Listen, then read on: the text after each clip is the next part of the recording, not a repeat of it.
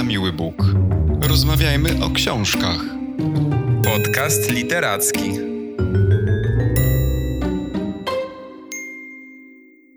Cześć wszystkim, witajcie w kolejnym odcinku podcastu Na Miły Bóg. Kolejny tydzień i kolejna książka przed nami, a dziś o książce będzie opowiadał Maciek.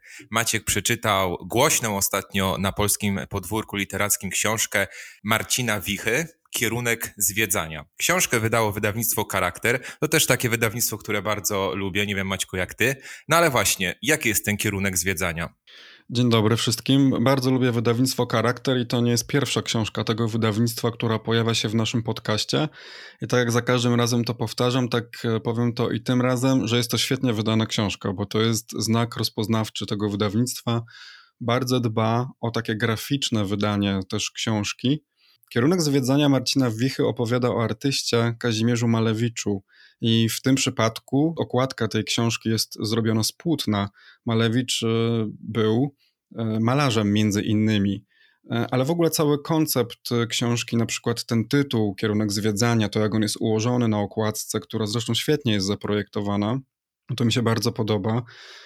Dla uważnych na okładce znajduje się właśnie fragment, czy też właściwie no, taka inspiracja najbardziej znanym obrazem E, Malewicza, czyli Czarny kwadrat na białym tle. E, I fajnie ten tytuł tam tak zawija, właśnie kierunek zwiedzania prowadzi właśnie do tego obrazu. To jest trochę tak, jak w przypadku każdego artysty, zawsze to jego opus magnum zawsze jest najważniejsze. I tak w przypadku właśnie Malewicza ten obraz no jest jego pierwszą i najważniejszą kompozycją właśnie w, w tym gatunku, który on stworzył, czyli w suprematyzmie, o czym może trochę później powiemy. E, także no bardzo mi się podoba wydanie tej książki. To jest tak jakby, ja bardzo lubię tak koncepcyjnie wydawane książki, także nie tylko treść, ale to, co wokół niej, ta forma książki, okładka, e, tytuł, to wszystko ze sobą świetnie gra. A wracając właśnie do tytułu, bo to jest absolutnie niesłychane, to jest coś, co mnie e, bardzo zaskoczyło w tej książce, to jest właśnie koncept narratorski. Uważam, że jest rewelacyjny. Otóż wyobraźcie sobie, że książka opowiada o malarzu, a w związku z tym autor zaprasza nas na wystawę. I głosem mm, narratora, e, który jest e, przewodnikiem po tej wystawie, oprowadza nas, opowiada nam o różnych eksponatach i w ten sposób poznajemy życie i twórczość artysty. Wydawałoby się, że to jest taki bardzo oczywisty i bardzo banalny pomysł, a jednocześnie no, uważam, że jest naprawdę świetny Wszyscy zresztą chyba wiemy, że na te najprostsze rozwiązania najtrudniej jednak wpaść.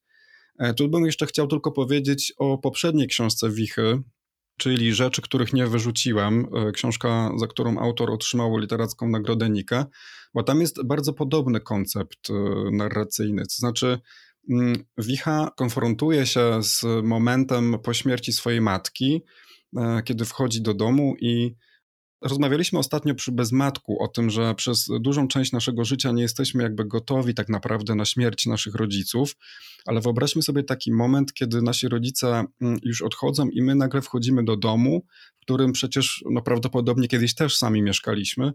I nagle musimy się zmierzyć z tym ogromem rzeczy, które zostały po naszych rodzicach. Musimy jakoś przejrzeć, posegregować, niektóre sobie zostawić, niektóre wyrzucić. I właśnie e, na takim koncepcie e, opiera się ta poprzednia książka. I autor przegląda rzeczy po swojej matce, i wiele z tych rzeczy jest tak naprawdę pretekstem do opowiedzenia jakiejś historii. Oczywiście najczęściej jest to historia właśnie w e, kontekście jego matki, taka wspomnieniowa.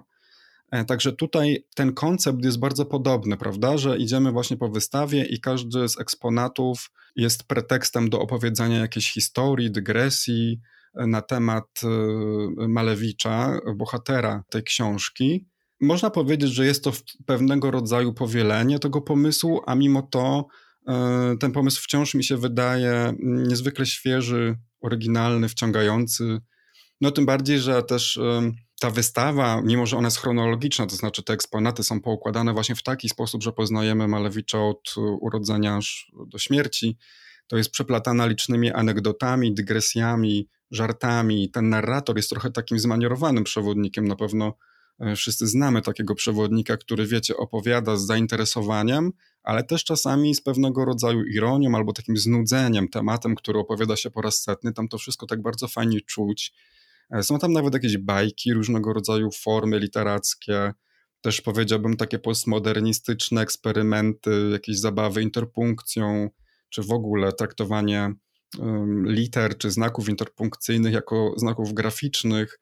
E, to warto też wspomnieć, e, jeżeli ktoś przypadkiem nie zna Wichy, że on oprócz tego, że jest literatą, to jest też grafikiem z zawodu. No brzmi to jak taka mozaika y, stylistyczno-gatunkowa, która tworzy jakąś y, całość. Tak. Bardzo interesująco zresztą to brzmi wszystko, o czym opowiadasz. Ale rozumiem, że poznajemy mm, na tej y, wystawie kolejne dzieła Malewicza. To brzmi dla mnie trochę jakby to była biografia tego wielkiego twórcy? Czy jest to coś bardziej eksperymentalnego? Zdecydowanie coś bardziej eksperymentalnego. Tam, tam nie tylko są um, obrazy, ale też grafiki, rysunki, zdjęcia, plakaty, fragmenty listów. Także jest tam mnóstwo różnych elementów. I najciekawsza część właśnie w tej książce to to, że dużo tych elementów jest fikcyjnych. To znaczy, to nie jest jakaś wystawa, która kiedyś powstała, to jest wystawa zupełnie wyimaginowana i bardzo dużo właśnie tych nawet opowieści, czyli jakby tych historii, które wyłaniają się z konkretnych eksponatów, e, no duża ich część jest nieprawdziwa, jest fikcyjna, o czym autor informuje nas w posłowiu. E, także to nie jest taka biografia sensu stricte. Wydaje mi się, że bardziej Wicha tutaj wykorzystał życiorys i twórczość Malewicza, które ewidentnie go interesują i ciekawią, E, po to, aby zastanowić się nad kilkoma rzeczami, które go frapują jako, jako literata, ale też może właśnie jako grafika, bo, e, bo to w jakimś sensie jest też książka o tym, kim jest artysta na przykład. Jest to też książka o rewolucji, też dosłownie, bo, bo jakby tam jest takie bardzo fajne historyczne tło y, dotyczące rewolucji bolszewickiej, październikowej, ale też tak można powiedzieć metaforycznie, y, że jest to książka też o tym, czy sztuka może być rewolucyjna, czy sztuka na przykład może zmieniać świat. Zadalibyśmy pytanie, czy może uratować świat, czego na przykład y, chciał niemiecki Bauhaus, y, też właśnie z tego okresu Malewicza i Bauhaus, o którym w poprzednim z kolei odcinku Kasia Lorenz opowiadała, że narodził się w Weimarze a później ta szkoła Bauhausu też się przeniosła do Dessau. Ja nawet odwiedziłem kiedyś tę szkołę, bo jestem olbrzymim fanem e, Bauhausu. Właśnie tutaj musiałbym powiedzieć, że to jest też coś, co w tej książce mnie bardzo zaskoczyło, dlatego że ja myślę, że gdybym wiedział, o czym ta książka jest, że ona jest jakimś rosyjskim malarzu polskiego pochodzenia, który urodził się na Ukrainie, to bym po tę książkę nigdy nie sięgnął, bo mnie malarstwo tak jakby mm, no, średnio interesuje. Natomiast y, przeczytałem tę książkę tylko dlatego właśnie, że jest y, autorem jest Wicha i poprzednia książka bardzo mi się podobała i dlatego po nią sięgnąłem i nie żałuję, bo y, no, dowiedziałem się czegoś między innymi właśnie na temat Bauhausu, który tak bardzo lubię, ale o tym może za chwilę. No tak, takie zaskoczenia literackie lubimy. E, no ale wspomniałeś też wcześniej o e, suprematyzmie, który był też właśnie dziełem bohatera tej książki Malewicza. Powiedz mi, czy Wicha jest też zwolennikiem tej idei, bo powiedzmy jakby, że suprematyzm e, w sztuce w malarstwie polega też na tym, że nie tak bardzo liczy się to, co jest na obrazie, ale to, jakie wywołuje emocje w odbiorcy wrażenie, że Wicha jakby jest też zwolennikiem takiej idei i, i temu hołduje? Wiesz co, nie wiem, bo i muszę się przyznać, że ja nie znam prac graficznych Wichy. Natomiast literacko, jeżeli mogę się do czegoś odnieść, to, no to jego styl jest taki bardzo ostry i skondensowany yy, i faktycznie nie ma tam zbyt yy, wiele dekoracji i ozdób, więc może w tym sensie tak, jakby odziera to swoje dzieło literackie ze wszystkiego, co zbędne, tak zresztą właśnie jak robili to artyści sztuk właśnie awangardowych. Tu właśnie muszę zrobić taki wstęp e, w nawiązaniu też do mojej wypowiedzi poprzedniej, w której mówiłem, że jestem wielkim fanem Bauhausu, bo wszystko to rozgrywa się tak naprawdę na początku XX wieku i do końca XIX wieku rządziła właściwie taka sztuka akademicka prawda? Taka no, klasyczna, taka mimetyczna, naśladująca. Malowano, nie wiem, portrety, jakieś e, budowle czy martwą naturę. E, gdzieś tam się pojawiali symboliści, czyli zaczęły wchodzić na obrazy właśnie jakieś konkretne symbole. Nie wiem, ludzie z głową na przykład zwierzęcia, i reszta była ludzkim ciałem, to miało w jakiś sposób odbiorcę prowokować do zadawania sobie pytania, co taki symbol może oznaczać. Ale mniej więcej wszystko było bardzo takie realistyczne, naturalistyczne i gdzieś właśnie e, na przełomie wieków, czy na początku XX wieku e, we Włoszech narodził się futuryzm. I on właśnie był między innymi odpowiedzią na taką sztukę akademicką, taką, taką bardzo klasyczną.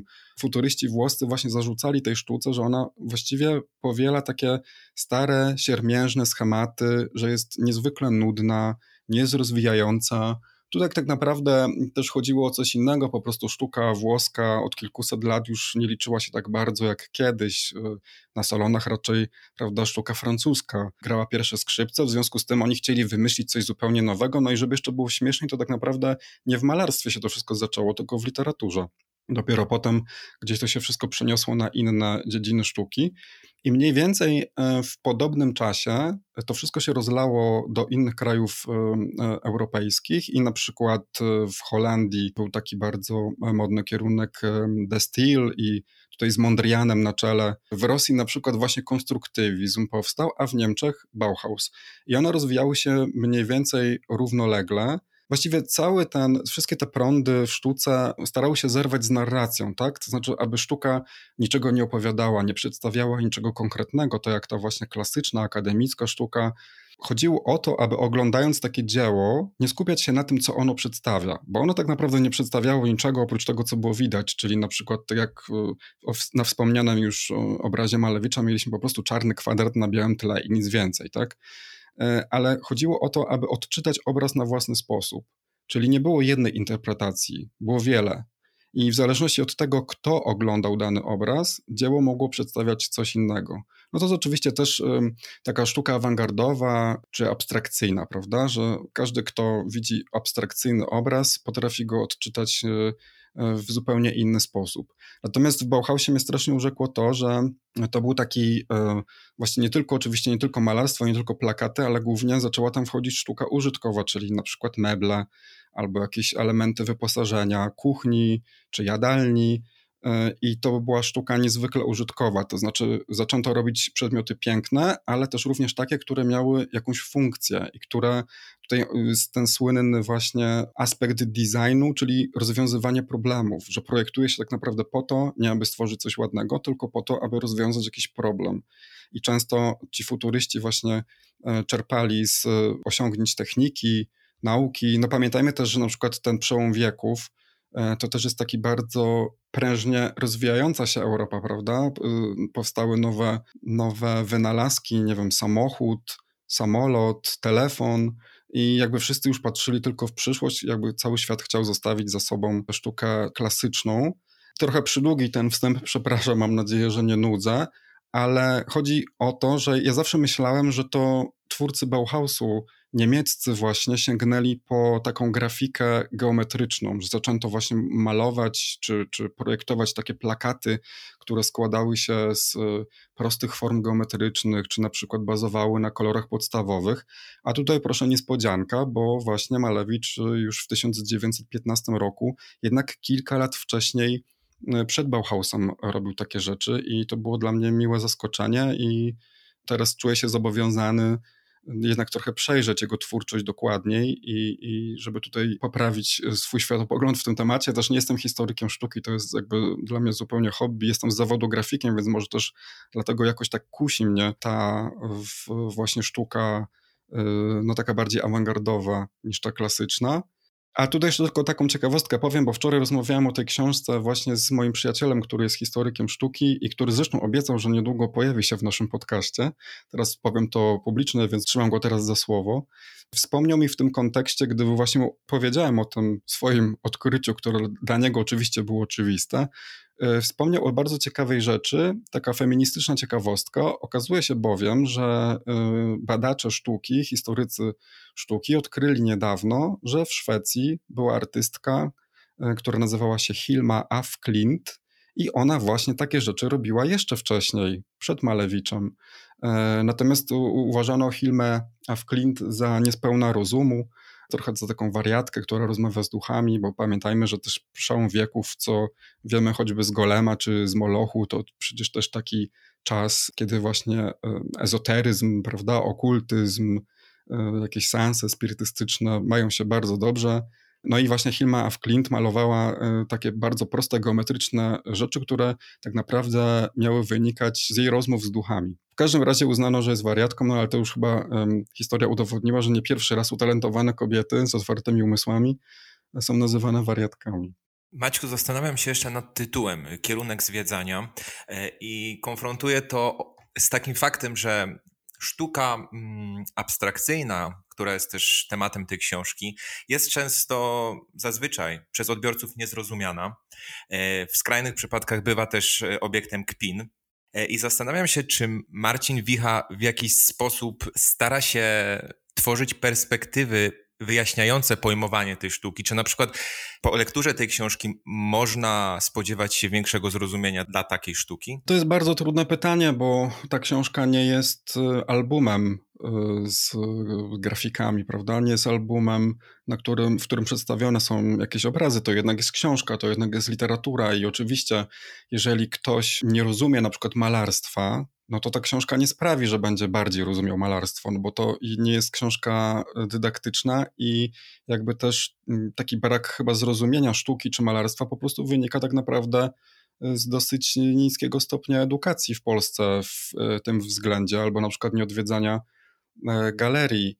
Mnie się wydaje, że tam jest taki bardzo ciekawy moment kiedy ci futuryści, y, czy konstruktywiści rosyjscy, czy właśnie um, suprematyści wiążą się tak naprawdę z bolszewikami, bo to wszystko właśnie, tak powiedziałem wcześniej, dzieje się w trakcie rewolucji październikowej i oni właściwie z Malewiczem na czele, cała ta grupa, oni przez 2-3 lata zarządzają tak naprawdę całą sztuką Związku Radzieckiego. Są odpowiedzialni nawet za oprawę wielkich uroczystości ulicznych, to też jest bardzo ciekawe tak jakby dzisiaj byśmy powiedzieli, że graficy są odpowiedzialni za taki właśnie graficzną oprawę eventów. To tak wtedy artyści 100 lat temu też robili takie rzeczy, czyli e, dbali właśnie o wygląd na przykład Moskwy w trakcie wielkiej defilady. I po jakimś czasie okazuje się, że władza dochodzi do wniosku, że te wszystkie dzieła tych abstrakcjonistów są właśnie tak abstrakcyjne, to o czym ty mówisz, są tak niezrozumiałe przez lud, Pamiętajmy, że no, Związek Radziecki, tak, bolszewicy, więc y, klasa robotnicza, chłopi, i oni po prostu nie rozumieją tego, co widzą, bo im brakuje tak naprawdę edukacji. I w związku z tym Malewicz i jego grupa zostają e, pozbawieni tego przewodnictwa właśnie nad sztuką e, w Związku Radzieckim i wchodzi socrealizm. E, a jak wygląda socrealizm, to już właśnie wszyscy wiemy. To też jest w ogóle bardzo ciekawy wątek, co dzieje się potem z Malewiczem i z tymi jego kompanami, ale po to już odsyłam do książki. Masz jakieś swoje ulubione fragmenty w tej książce? Coś, co by mogło jeszcze bardziej zachęcić do tej treści? Mam dwa takie fragmenty. Jeden y, właśnie dotyczy tego, o czym przed chwilą mówiliśmy. Oni, futuryści, suprematyści, abstrakcjoniści, uznali, że rewolucja październikowa nie pociąga ich jako treść sztuki, robili własną rewolucję wewnątrz sztuki. Odrzucali, starali się odrzucić realizm i w ogóle całą sztukę i uważali, że w zamian za to, co wywalczyła ludzkość przez tysiąclecia, zamiast sztuki antyku, arcydzieł Rafaela, Rembrandta i Repina, dają nową sztukę rewolucyjno-abstrakcyjną. Zdawało im się, że dokonali wielkiego odkrycia. To jest właśnie e, fascynujące i cały czas w tej książce przewija się taki wątek tej rewolucji takiej dosłownej, właśnie systemowej, politycznej, prawda, w tle. Natomiast e, rozczulające jest trochę to, że ci artyści sądzą, że to, na co wpadli i co starają się przeforsować, również może być rewolucją samą w sobie. A drugi ulubiony mój moment dotyczy właśnie tego słynnego obrazu, bo przed chwilą też mówiłeś o interpretacji sztuki abstrakcyjnej. E, I faktycznie, no umówmy się, jeżeli patrzysz na obraz, który składa się z białego płótna, na którym jest namalowany e, czarny kwadrat, to gdy widzisz, że taki obraz na aukcji schodzi tak naprawdę za, nie wiem, kilka, czy tam kilkanaście milionów, czy kilkadziesiąt, nie, nie wiem, teraz zmyślam, bo nie wiem, jaka akurat jest cena tego konkretnego obrazu, to myślisz sobie, co jest nie tak, prawda? Kiedyś tego nie rozumiałem. Jak to jest możliwe, że ktoś na przykład pomaluje kawałek płótna 2 na 2 w monochromatyczny sposób, jednokolorowo, albo zrobi gradient i później te dzieła są uważane za wybitne dzieła sztuki. Tymczasem okazuje się, że chodzi o to, kto zrobi to pierwszy, kto się odważy tak naprawdę. Wyobraźmy sobie taką sytuację, że żyjemy 120 lat temu na świecie sztuka to właśnie Rafael, Rembrandt, wielkie dzieła, i nagle pojawia się nowy, abstrakcyjny ruch, i ktoś ma w sobie tyle odwagi, aby namalować czarny kwadrat na białym tle i nazwać to zupełnie nowym prądem. No, jakby to jest y, absolutnie niesamowite. I w tym kontekście mam taki cytat. Malewicz ograł wszystkich. Niezdarny, pozbawiony talentu, niedouczony, brzydki i już nawet nie taki młody facet. Wyprzedził ich. Mądrzejszych, zdolniejszych, inteligentniejszych, bardziej szczerych, wnikliwych, wrażliwych. Musieli uznać jego supremację, jego suprematyzm. Ileż on później gadał o tym obrazie, ile o nim pisał, na ile sposobów próbował go opowiedzieć. Był jak agent handlowy, który próbuje opchnąć swój towar. Komu to nie próbował go sprzedać? Prawosławnym jako ikonę, Żydom jako szechinę, bolszewikom wciskał żyto nagrobek i licze. Tyle wykładni, tyle rzeczowników przywołał do pomocy. Ostatecznie żaden nie spełnił oczekiwań. I też właśnie jak mówiłem na początku, zatoczymy teraz takie koło, jak mówiłem na początku, że przewodnik po wystawie y, nas oprowadza i wprowadza jakieś dygresje, żarty, jakieś takie fikcyjne opowieści, no to właśnie między innymi jest taka jedna fikcyjna opowieść, mianowicie o tym, że y, gdy ponoć Katarzyna Wielka przybyła na ziemię, na których urodził się później y, Malewicz i, i chciała obejrzeć nowe nabytki cesarstwa, to cała jej świta, cały powóz, zaprzęgi i tak dalej, wszyscy wjechali w taką błotnistą ziemię, która ich wciągnęła. No i gdzieś tam te bagna wciągnęło Katarzynę Wielką, chociaż wiemy, że przecież nie w taki sposób umarła. No i później po latach właśnie Malewicz, jak namalował ten czarny kwadrat na białym tle, to e, ktoś uznał złośliwie, że to jest taki na, naiwny patriotyzm. To znaczy, że ten obraz przedstawia tak naprawdę fragment tej czarnej ziemi, która kiedyś pochłonęła Katarzynę Wielką. Także tych interpretacji obrazu może być ilość dowolna. No ja czuję się przekonany do lektury książki. Cieszę się, że dzisiaj nam o niej opowiedziałeś. Dodam jeszcze od siebie, bo Maciek już wspomniał, że przewidujemy w naszym podcaście odcinki z gośćmi. Już niedługo pojawi się u nas kolejny gość, a my Was zachęcamy do tego, byście zgłaszali swoją chęć do opowiadania o książkach, którymi chcecie się podzielić ze światem na łamach naszego podcastu. Piszcie do nas wiadomości. Dzięki Maćku i do usłyszenia. Ja również dziękuję i zachęcam wszystkich do wpisania po wysłuchaniu naszego podcastu w Google takiego tytułu, właśnie Czarny kwadrat na białym tle. I zobaczcie też, jak wygląda oryginalnie ten obraz po 100 latach. Ma taką charakterystyczną, popękaną strukturę, i to też jest bardzo ciekawe, bo ten obraz trochę też pokazuje, co dzieje się z czasem. I niektórzy twierdzą, że jest to właśnie obraz przedstawiający czas. Dziękuję bardzo, do usłyszenia. Na miły Bóg. Rozmawiajmy o książkach. Podcast literacki.